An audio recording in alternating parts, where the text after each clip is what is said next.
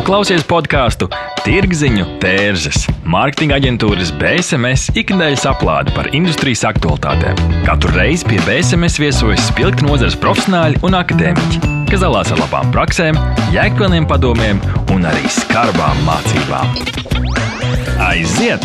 Šodien Tirziņu tērzes studijā Inta Buša un Denis Ševeļovs.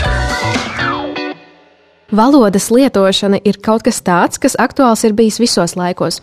Vai tā ir vietējā avīze, grāmatas redakcija vai globāla e-komercijas lapa. Tāpēc šodien, 41. epizodē, multilingvisma nozīme e-komercijā, runāsim tieši par šo tēmu. Pie mums studijā ir Madara Rēķe, valsts valodas centra valodas kontrolas departamenta vadītāja, direktora vietnieka pienākuma izpildītāja un Vasīlijas Ragačevičs, tulkošanas uzņēmuma Skrivenek Baltika direktors. Sveiki! Sveiki! Sveiki! Uzreiz jums jautājums, kāda ir jūsuprāt valodas un multilingvismā nozīme mūsdienu e-komercijā? Nu, es sākušu acīm redzot, jā. Es uzskatu, ka valodām mūsdienās ir ļoti liela nozīme. To apliecina mūsu novērojumi par to, ka lokalizācija, adaptācija, pieprasījums pēc šiem pakalpojumiem ir ļoti augsts. Protams, ka to visu veicināja arī, arī pandēmija, jo mēs bijām izprostoti māj, mājasēdē un uh, faktiski kādu laiku dzīvojām tādā attālinātā vidē. Uh, taču es uzskatu, ka notika tas, ka, kas būtu tik un tā noticis. Ja?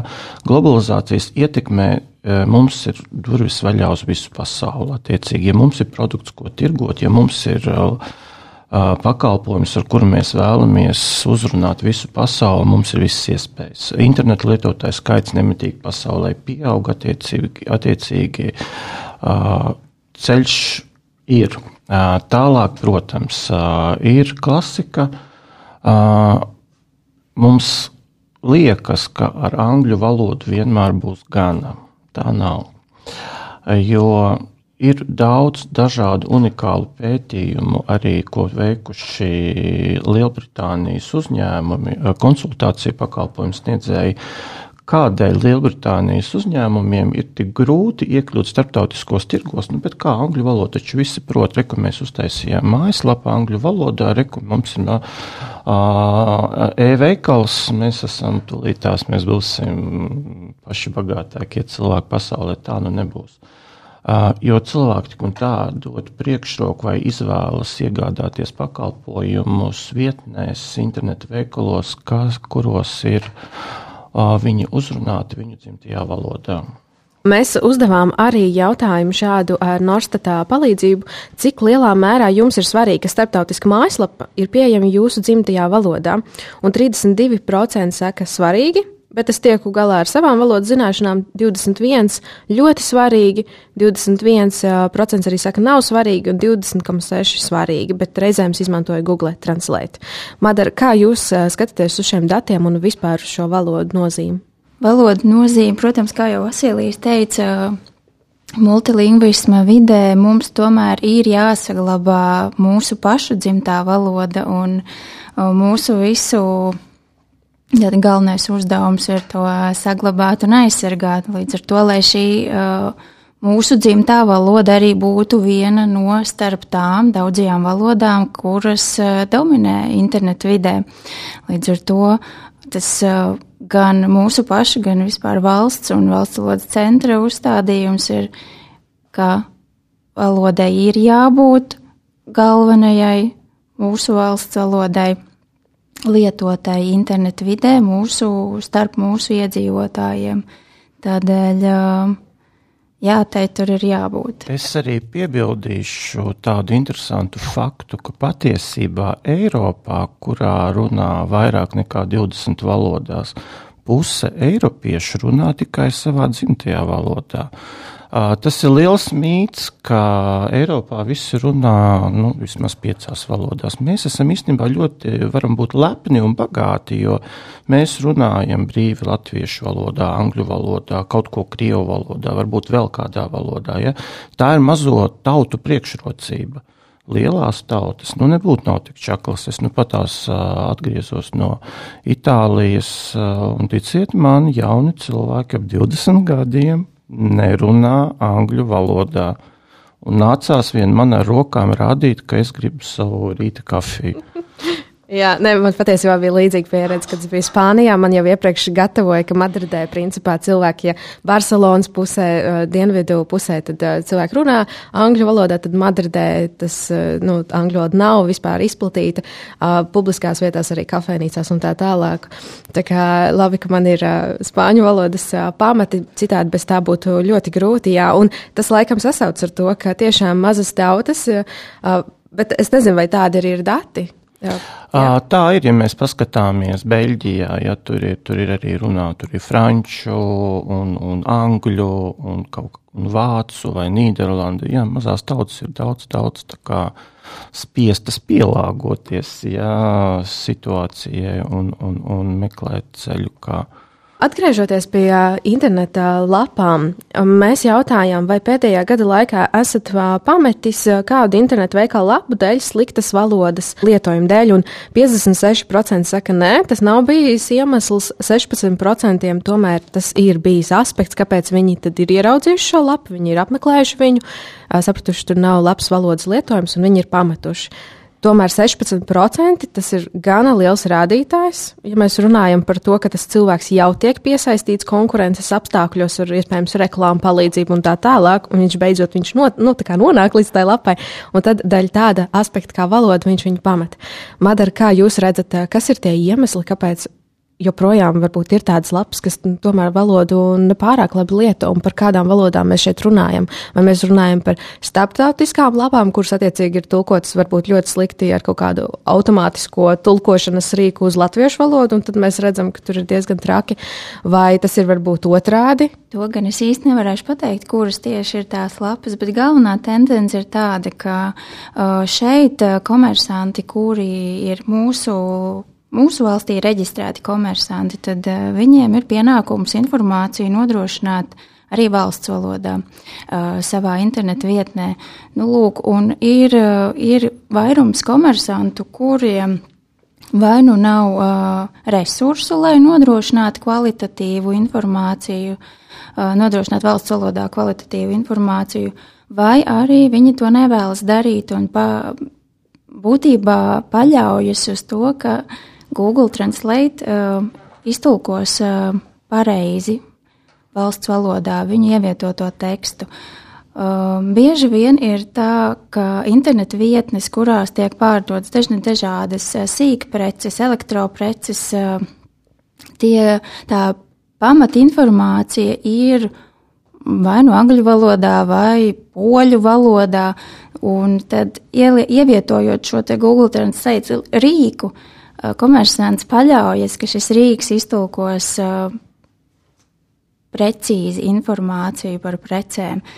Bet lielākoties tomēr šis uh, tulkojums nu, neatbilst uh, latviešu literārajai valodai. Līdz ar to valsts valodas centra amatpersonām ir pamats veikt pārbaudes un norādīt komersantam uz nepilnībām, jo valsts valodas likums arī paredz, ka valsts valodu jālieto, ievērojot literārās valodas normas, tā kā nav pieļaujams, ka ar šādiem rīkiem un nepilnīgas informācijas ievietošanu mēs nu, savā ziņā kropļojam valsts valodu. Es domāju, šeit varētu arī apskatīt no citas aspekta. Protams, ka jums ir savi uzdevumi VVC, bet mēs skatāmies reāli uz patērētājiem un viņu vērtībām. Es domāju, ka varbūt kādu mēs varam tur aizvainot, ka nebija pareiza valoda izmantota, bet pats galvenais ir veidot to uzticību.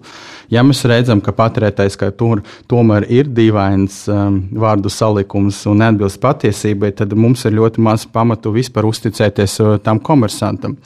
Bet runājot par šo automātisko translēšanu, es domāju, ka tie cilvēki, kuri bija meklējuši kaut ko AliExpress vai Wish, arī redzēja, pat angliski reizēm ir ļoti dīvaini apraksti un kategorizācija dažādām precēm. Tā nevar uzreiz atcerēties.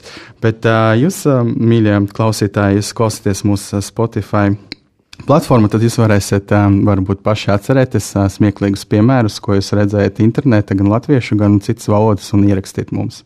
Un uzreiz, es varbūt jā, vēl paturpināšu par automatizēto tulkošanu.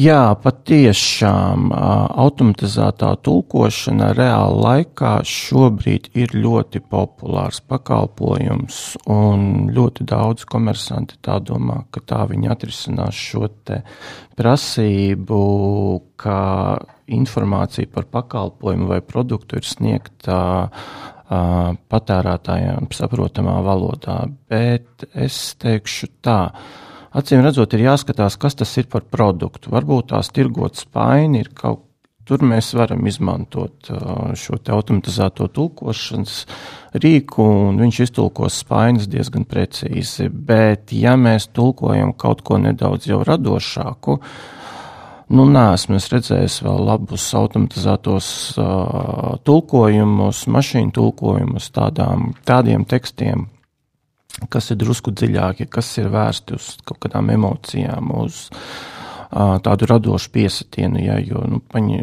es parasti studentiem rādu smaržu aprakstu, automātiskos tulkos, tulkojumus. Nu, tad tur ir tādas pērles, ka uh, es pat nevaru saprast, kam dēļ tas vispār tiek darīts Jo, nu, tas nav saprotams. Tas darīts, ja tas eh, diezgan eh, tomēr eh, resursu ietilpīgs. Labi, ja mēs tur strādājam ar lielām pasaules tirgiem, kā kur ir itāļu un nezinu, spāņu, angļu valoda, tad tas piedāvājums un speciālistu tulkotāji ir ļoti plašs.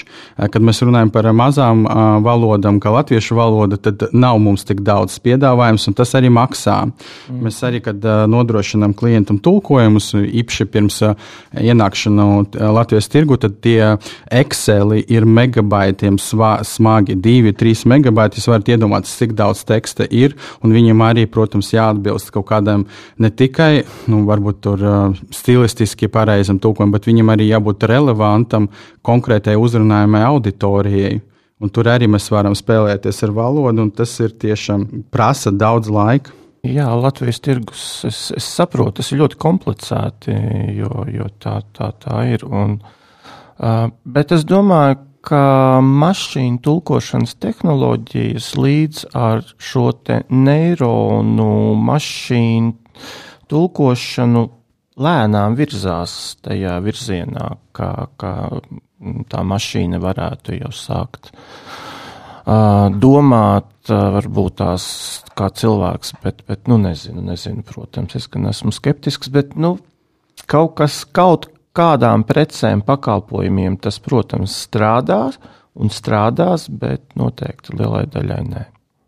Ja mēs tā apkopojam, es domāju, ka tā tendence pavisam noteikti ir saistīta ar to, ka lielai daļai cilvēku, un pēc mūsu aptaujas 72% cilvēku, ir svarīgi, ka viņu lapa, nu, tātad šī lapa, ko viņi apmeklē, ir dzimtajā valodā viņiem. Un tad mēs šeit runājam tiešām arī par ļoti mazām nācijām, mazām valodām. Un otrs svarīgs cipars - 88% saka, ka viņiem ir svarīgi arī, ka tajā mājaslapā ir dažādas valodu opcijas, jo tas arī rada uzticamību, ka tātad viņi ir dažādos tirgos, viņi ir atzīta un tā veiksmīgi strādā. Man ir jautājums uzreiz jums. Mēs jau nedaudz skārām šo automātisko tulkošanu, bet kas vispār ir mainījies valodas lietošanā pēdējos gados, un tad, kad mēs arī runājam par internetu vidi? Tas, ko es bieži pamanu, ir, ka ir tā teikt jā, viens ir šī automātiskā tulkošana, otra nianses ir, kad eh, dažādas valodas sakrīt vienā lapā, respektīvi, ir miksiņš. Uh, arī šīs starptautiskās lapas citreiz tulko, un uh, tad tur ir kaut, kas, kaut kādi vārdi latviski, kaut kas varbūt krieviski vai kaut kas latviski un angliski, un tad ir tā miksētā valoda. Kas ir tas, kas ir mainījies, un, un kā jūs redzat, kā vēl tas tirgus attīstīsies? Madara, kas valsts valodu centrā ir tādas lielākās sāpes, ar ko jūs pašreiz saskaraties? Šobrīd saskaramies ar to, ka informācija ir nodrošināta tikai angļu valodā un nav, nav latviešu valodā. Un, kā jau jūs minējāt, tomēr diezgan lielam procentam cilvēku ir svarīgi, ka informācija ir, ir iegūstama arī viņu dzimtajā valodā, kas ir latviešu valoda. Līdz ar to šobrīd eh, mēs eh, saskaramies ar tendenci, ka mēs cenšamies šo valsts valodu ieviest, lai būtu jebkurā uh, vietnē, kas uh, mūsu vietējiem patērētājiem pārdod un piedāvā savus preces un pakalpojumus, lai tā informācija būtu nodrošināta valsts valodā. Bet principā ir tā, ka Internetu vietnēs valodas var būt daudz un dažādas. Galvenais nosacījums, ka ir viena no tām ir valsts valoda. Tostarp nosacījums, ka valsts valodai ierādāma galvenā vieta, proti tas attiecināms uz informācijas apjomu. Varbūt arī šis valodu miks gadījumos, ja tas ir kaut kas saistīts ar tehniskām problēmām, bet galvenais ir tas, ka ka patērētājs sev būtisku informāciju to, to, tomēr saņem valsts valodā. Tas, kādas ir izvietots vai, vai tehniskās iespējas jau ir pakārtotas, galvenais ir pēc būtības saņemt informāciju valsts valodā. Ja kādai lapai nav, viņa nav izpildījusi attiecīgi šos nosacījumus, ko jūs sakat, ko jūs ar viņiem darat? Kāds ir, kāda ir tā mehānika, kā jūs komunicējat ar viņiem? Vai tas ir tās ir rekomendācijas, vai, vai tur ir arī kaut kādi soda mehānismi? Tur ir dažādi atkarīgs no tā pārkāpuma smaguma. Ja ir kaut kādas nelielas nepilnības, mēs, protams, uzsākam sarunas un, uh, un piemērojam principu konsultē vispirms, veidojam dialogu ar uh, komersantu. Bet tādos būtiskos pārkāpumos tomēr mēs uzsākam administratīvā pārkāpuma procesu, kura ietvaros mēs tomēr cenšamies, lai tas rezultāts būtu abām pusēm izdevīgs, proti, ka pārkāpums ir novērsts un informācija ir sniegta valsts valodā. Nereti gadījumi tādi, ka komersants tomēr atsakās pildīt šīs prasības un Kādi ir tie iemesli, kāpēc viņi atsakās pildīt prasības? Lielākā daļa tomēr uzsver, ka tas ir ekonomiski neizdevīgi. Ļoti liela ieguldījuma nepieciešama, lai iztulkotu informāciju uh, latviešu valodā, vai ka trūkst uh, cilvēku, kurš to izdarītu, vai jebkāda visādi citādi iemesli. Galvenokārt uz to, ka tas ir uh, ekonomiski neizdevīgi nodrošināt informāciju valsts valodā. Un kā jūs skatāties to, nu, ka jūs esat kontrolas institūcija, bet jūsu mērķis ir saglabāt un uzturēt tīru latviešu valodu? Ja kaut kas notiek, nu, jūs tur palīdzat, es nezinu, kādas jums domas uz nākotni par šo lietu? Principā valodas speciālisti, lingvisti, eksperti strādā pie tā, lai mūsu valodā, lai latviešu valodā būtu atbilstoši termini, lai vārdi tiktu apzīmēti mūsu vietējā valodā. Līdz ar to viss tiek darīts, lai valoda turpinātos, lai valoda pilnvērtīgi eksistētu jebkurā sociālingvistiskā aspektā. Līdz ar to nebūtu nekāda pamata uzskatīt, ka mums ir nepieciešama kāda cita svešvaloda, kas aizpildītu robus, jo mūsu valodai šādu robu nav. Jeb, ja ienāks kāds termins, kurš šobrīd nav mūsu valodā, latviešu valodā, tad tam tiks atrasts ekvivalents, tāpēc par to nebūtu jāsatraucās. Vasilija, kā jūs skatāties, kā ir mainījusies valodā pēdējos gados un arī tieši šajā e-komercijas vidē? Es teiktu, ir problēmas saistītas lielākoties komersantiem ar tehniska rakstura lietām, jo visticamāk, ka tīmekļa vietni administrē kaut kur, un tad, tad mēs mēģinam šo izskatu kaut kā adaptēt, vai, vai, vai saturs tiek ražots vēl citā vietā, un tad tas viss tiek sakombinēts no kaut kādiem elementiem, un tad nu rodās tas, kā jūs minējāt, ir kaut kas latviski, kaut kas krieviski, kaut kas angliski, un veidojas tāds miks. Tas, tas ir saistīts ar, ar, ar tehniskām lietām. Ko es gribētu teikt par valodu situāciju pēdējā laikā? Es, to, ko mēs redzam, ir pieprasījums pēc vācu valodas, un tas, manuprāt, arī tīri loģiski, jo tagad pēc Brexit faktiski vācu valoda laikam ir dominējošā Eiropā. Varētu būt, jā, ka tā, ka tā ir lielāk, lielākais runātājs skaits. Jā, tā tad to, ka Latvijas uzņēmējiem ir interesanta Vācija, Vācijas tirgus. Ir ciešāka biznesa saikne un tiek vairāk tulkots mūsu pašu kaimiņu valodās. Ar to es domāju, ikauņu, lietuviešu, arī poļu valodā. Ja, faktiski veidojas tāds reģions, Polijas, Baltijas reģions. Un, un, un, un, jā. Skandināvija joprojām ir topā Skandināvija, un arī zviedru valodai ir, somu valodai ir gana, gana būtiska nozīme, ja mēs skatāmies tieši par Latvijas uzņēmējiem un to, teiksim, valstīm, ar kurām Latvijas uzņēmējiem ir interese veidot uh, biznesu. Uh, bet, uh, jā, tehniskās puses, bet tas ir saistīts tieši ar šo te digitālo mārketingu, ar visām šīm digitālajām ierīcēm, ne tikai ierīcēm, bet es teiktu, digitāliem risinājumiem, kas ir ienākuši mūsu sadzīvē un šobrīd veido tādu neatņemamu ikdienas daļu. Ja, jo, mm, kā es arī stāstu bieži, dažbrīd šajā digitālajā mārketingā mēs apzināti kā atslēgas vārdu veidojam gramatiski nepareizu vārdu, jo tas ir atkarīgs piemēram kā rakstītājs raksta uz tastatūras, un reizēm ir tās pārrakstīšanās kļūdas biežākās, un, un, un, un, un tad mēs izvēlamies šo te atslēgas vārdu, lai virzītu attiecīgo produktu vai pakalpojumu tirgu. Jā, tā kā dažbrīd uh, mēs arī pieļaujam tā klusiņām tādas dažas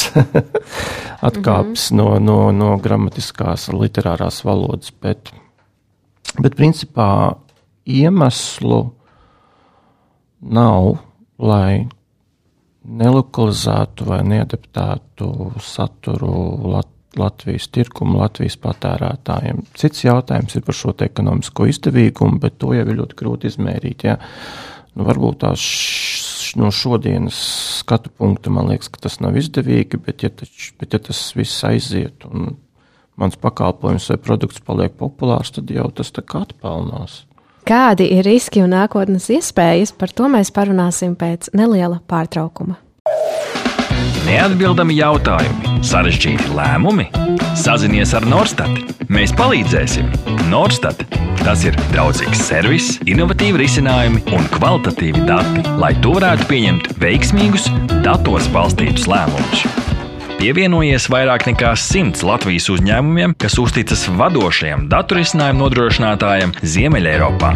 Mūsu mērķis ir atvieglot tavu dzīvi un ļaut pieņemt pareizus lēmumus. Norstat - vērtīgi dati svarīgiem lēmumiem. www.norstat.lv Jā, par riskiem un nākotnes iespējām vēlamies vairāk parunāt šajā otrajā epizodes daļā. Un tas pirmais jautājums man uzreiz ir jums par to, satura pieejamību un līdzvērtību starp dažādām valodām. Tas, ko mēs esam pamanījuši, protams, ir tā tendence, ka iespējams dažādu iepriekš jau minēto faktoru dēļ, ka vai nu tas ir neizdevīgi tulkot tik daudz garu tekstu, tad tiek noīsināts un, teiksim, latviešu valodā, ja tā ir latviešu mājaslapa, pieņemsim, ir tur ļoti, ļoti garš, tur apraksts par vēsturi un tā tālāk, bet tad, kad ir runa par kaut kādu citu valodu, tad varbūt tur ir noīsināts. Vai jūsuprāt ir svarīgi, ka šis saturs ir līdzvērtīgs starp dažādām valodām? Es varu no normatīvā regulējuma aspekta minēt, ka no valsts valodas likuma viedokļa tātad nedrīkstētu būt tā, ka svešvalodā ir kaut kāda informācija daudz plašāka nekā tā ir latviešu valodā. Bet bieži vien, kas ir redzams šobrīd, ja valsts valodas centrs kādam komersantam norāda, ka ir piemēram pie preču aprakstiem izvietota, izvietot informāciju svešvalodā, tad komersants izdomā šo informāciju vienkārši izņemt ārā, lai tā nav redzama. Un tādējādi parado, para, izveidojot eh, to situāciju tādu, ka latviešu valodā vietnē informācija ir daudz mazāka apjomā nekā, piemēram, tā ir eh, angļu valodā, kur šie apraksti ir, ir, ir palikuši oriģināli, kā viņi tur ir ievietoti. Un tas nebūtu pieļaujams ne no normatīvā regulējuma puses, ne no vispār kā, kā patērētāju viedokļa, jo Patērētājiem mūsu valstī ir tiesības saņemt uh, pilnīgu un vispusīgu informāciju par piedāvāto pakalpojumu vai preci, un šādā veidā viņš nedaudz tiek nu, apsekts. Jā, mēs arī redzam, ka 91% ir svarīgi, ka šis apjoms ir līdzvērtīgs. Vasilija, kā jūs šo skatāties? Jautājums ir par to, cik daudz tā satura ir, jo būsim godīgi. Dažbrīd ir mājaslapās ir kultūras slāņi, kaut kā desmit gadus vecs slānis, un tad uz augšu un uz augšu. Un ir informācija, kas varbūt vairs nav aktuāla, tad es īsti neredzu pamatojumu, vai mums īsti to vajadzētu tulkot. Un, un, un šī informācija faktiski kalpo kā, mm, kā SEO mm, palīgs, jā, respektīvi, ka tas nodrošina mājaslapas pozicionējumu interneta meklētājā.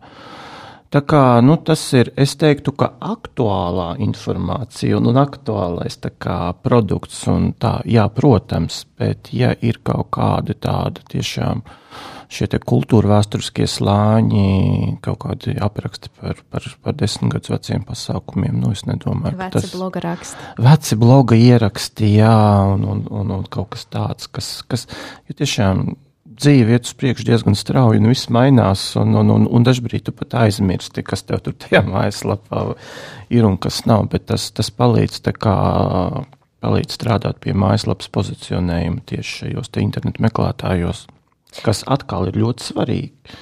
Jā. Kādi vispār ir riski, kad mēs runājam par valodu internetu vidē?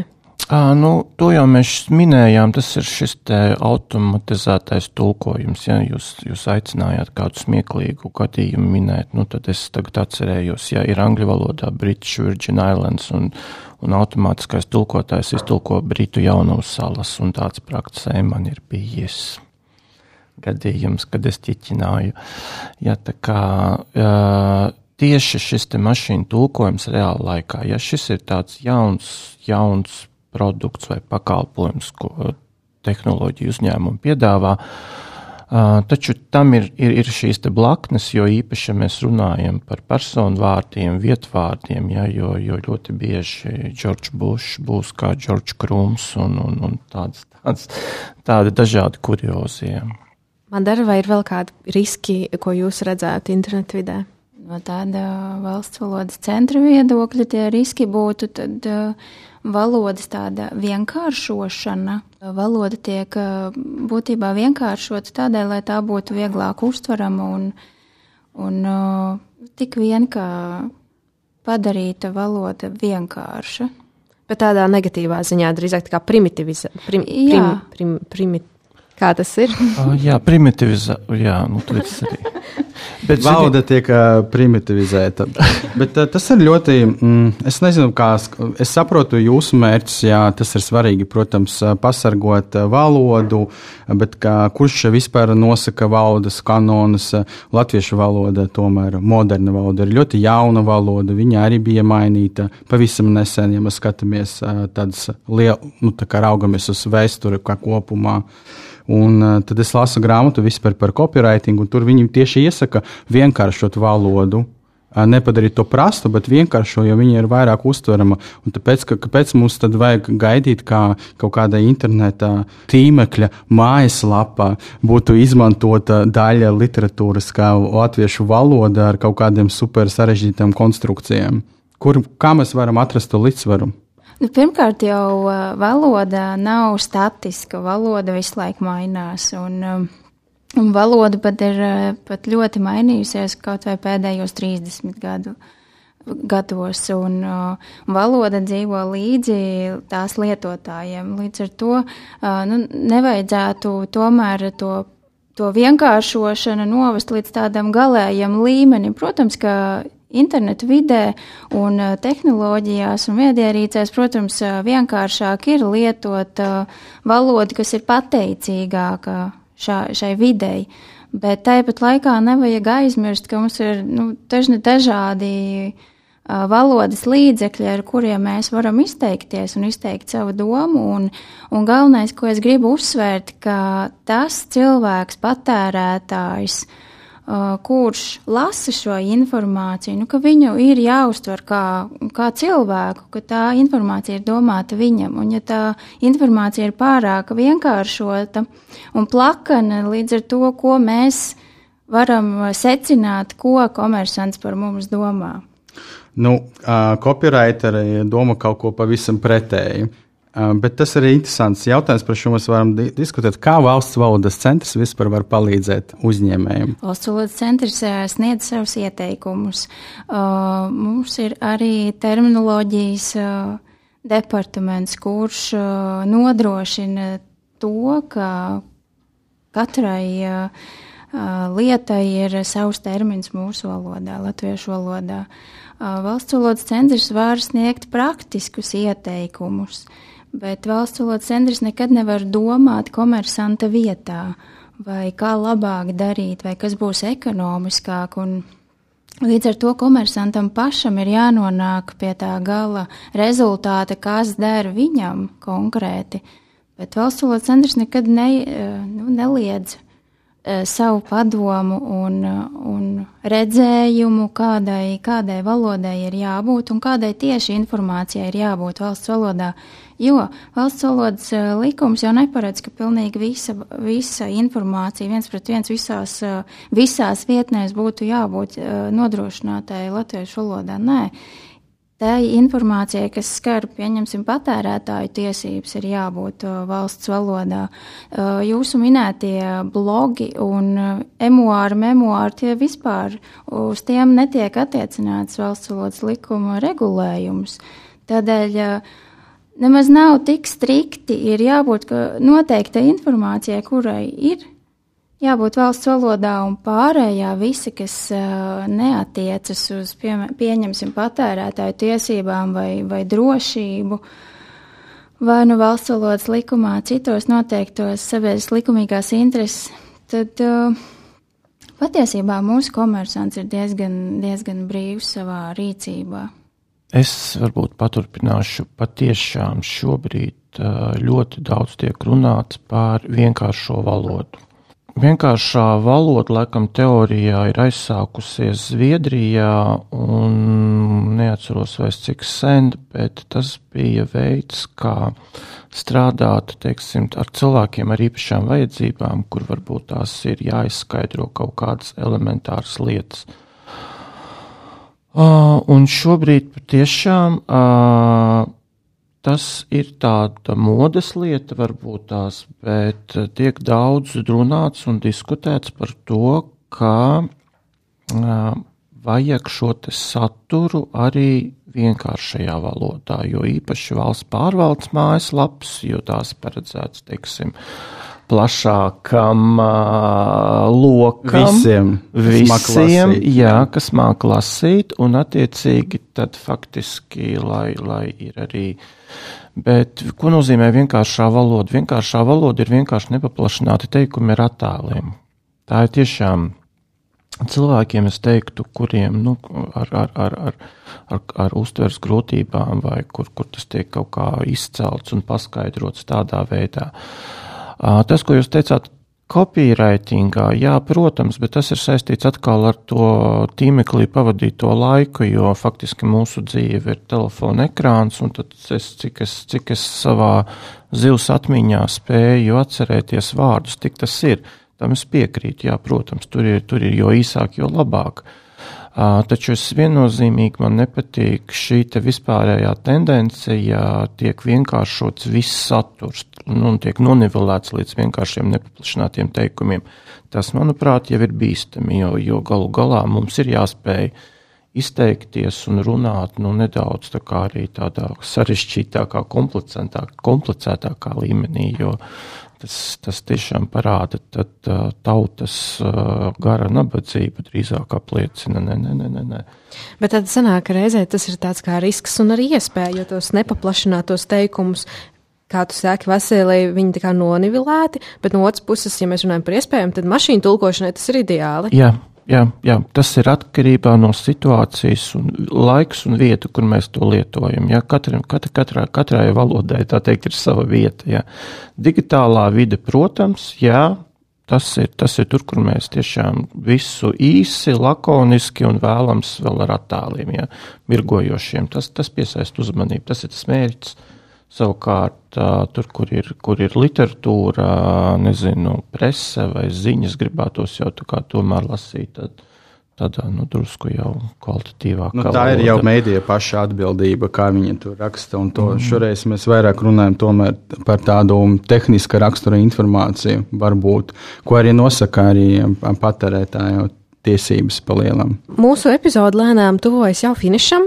Tāpēc noslēgumā es vēlētos jūsu, kā ekspertu, ieteikumus e-komerciju lapu veidotājiem, kad viņi tagad domā, kā, ko man vispār darīt ar valodām, kā man viņas tulkot, kādas valodas izvēlēties, kas būtu jūsu tie ie, nu, ceļa vārdi un ieteikumi tiešām tādi praktiski mūsu klausītājiem. Madara, varbūt jūs varat sākt no valsts valodas centra puses. Pirmkārt, ko es ieteiktu, meklēt uh, internetu vietnes. Uh, kā to saka, ādiņu, jeb, jeb to skeletu, tādu, kurā var uh, ietilpināt vairākas valodas, jo ar to ir vislielākās problēmas, ka komersants labprāt gribētu iekļaut uh, vēl kādu valodu, bet viņam šī, šī iespēja tehniski nav iespējama, jo tā vietne ir uztaisīta tā, ka tā, tā var būt tikai vienā valodā. Līdz ar to tas ir pirmais - izvēloties pašu vietnes uzbūvi. Tad izvēlēties tādu, kurā ir iespējams vairāku valodu izvēles. Tas būtu viens. Protams, katram jāapsver tas informācijas apjoms, vai tiešām uh, par eh, preci vai pakalpojumu ir jāraksta gari, plaši eh, apjom, eh, informācijas blāķi, varbūt tos var saīsināt un uzrakstīt daudz koncentrētāk, un tad vairākās valodās, tostarp arī latviešu valodā, tas būtiski atvieglo pašam komersantam dzīvi. Tas būtu viens, un otrs galvenais, lai būtu viena no valodām, uh, latviešu valoda. Vasilija. Nepaļauties uz angļu valodu, nepaļauties tikai uz krievu valodu, faktiski nepaļauties uz, uz šīm lielajām, populārākajām pasaules valodām. Ja mēs vēlamies uzrunāt, piemēram, nezinu, poļu auditoriju vai, vai, vai cilvēku Skandināvijā, nu nekas nebūs.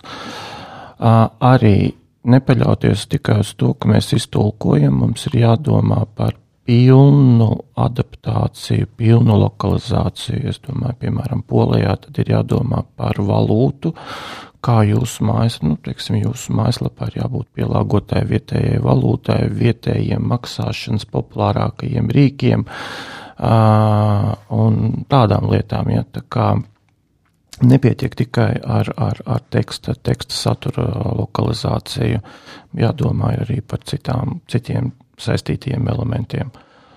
Mm, tiešām rūpīgi izvēlēties tirgu, iepazīt to tirgu, analizēt uh, cilvēku uzvedību. Nezinu, šobrīd jau ļoti viegli paņemt Google Analytics vai, vai Ahrefs un, un pēti un analizē un skaties, kas, kas un kā un domā. Mans galvenais ieteikums tiešām ir nepaļauties uz to, ka, ja man mājaslapa ir angļu valodā, tad es sēdēšu un gaidīšu visus ārzemju klientus. Nu, nekā nebūs. Lielas paldies! Šajā 41. epizodē pie mums ciemos bija Madara Rēķa, valsts valodas centra valodas kontrolas departamenta vadītāja un Vasilijas Ragačevičs, tulkošanas uzņēmums Krivenek Baltika direktors. Paldies! Paldies, ka klausījāties BSMS podkāstu Tirziņu tērzes. Aplādi ar labām praktiskām, jēgpilniem padomiem un skarbām mācībām. Patika epizode? Dalies sociālajos medijos, ir idejas tēmām vai viesiem? Raksti mums! Tās bija Tirziņu tērzes. Tiekamies nākamnedēļ!